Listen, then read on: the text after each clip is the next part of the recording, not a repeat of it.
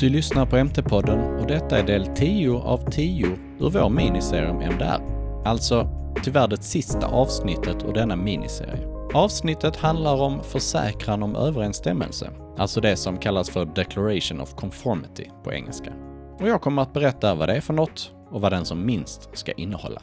Om man bortser från specialanpassade produkter och prövningsprodukter så ska alla medicintekniska produkter som placeras på marknaden i EU ha en försäkran om överensstämmelse upprättad. Som för mycket annat så ska denna försäkran om överensstämmelse finnas tillgänglig och kunna lämnas ut på begäran av behöriga myndigheter 10 år efter att den sista produkten placerats på marknaden. Och såklart 15 år för implantat. Och vad är då en försäkran om överensstämmelse? Enkelt förklarat så är det ett obligatoriskt dokument som tillverkaren, eller den auktoriserade representanten behöver signera för att intyga att man uppfyller vissa krav som ställs inom EU. Efter att du signerat den så tar du alltså fullt ansvar för att du uppfyller de krav som du specificerat i din försäkran av överensstämmelse.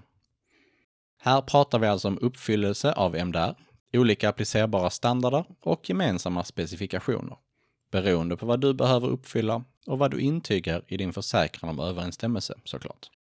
Om vi enbart pratar om MDRs krav, som du hittar i artikel 19, EU-försäkran om överensstämmelse, punkt 1, så ska din försäkran om överensstämmelse intyga att alla relevanta krav för din produkt är uppfyllda.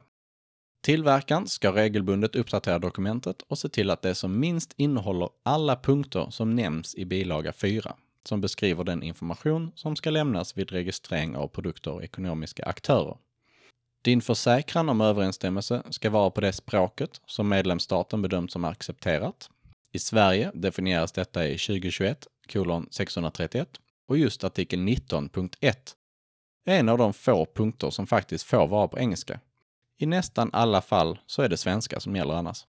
Om din produkt också omfattas av annan EU-lagstiftning som inte täcks av just MDR så ska även dessa finnas med och intygas i samma försäkran om överensstämmelse. Den ska även innehålla all information som krävs för att kunna identifiera vilken EU-lagstiftning som din försäkran gäller. Och då tänkte jag berätta lite mer om vad MDR säger att du måste ha med i din försäkran om överensstämmelse. Jag kör några delar och du hittar en komplett lista under bilaga 4, men jag sammanfattar lite kort.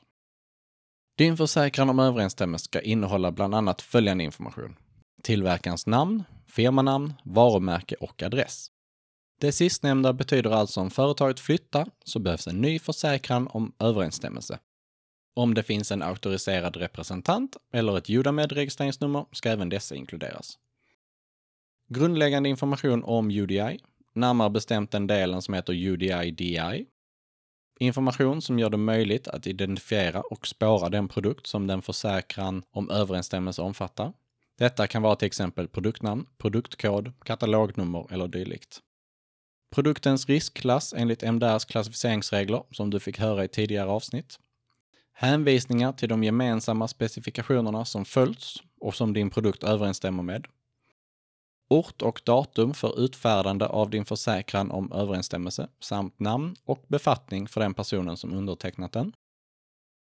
En punkt i denna lista över krav på vad som ska finnas med är lite intressant. Det är punkt nummer 9 i bilaga 4. Jag tänkte citera den, så får du något att fundera över.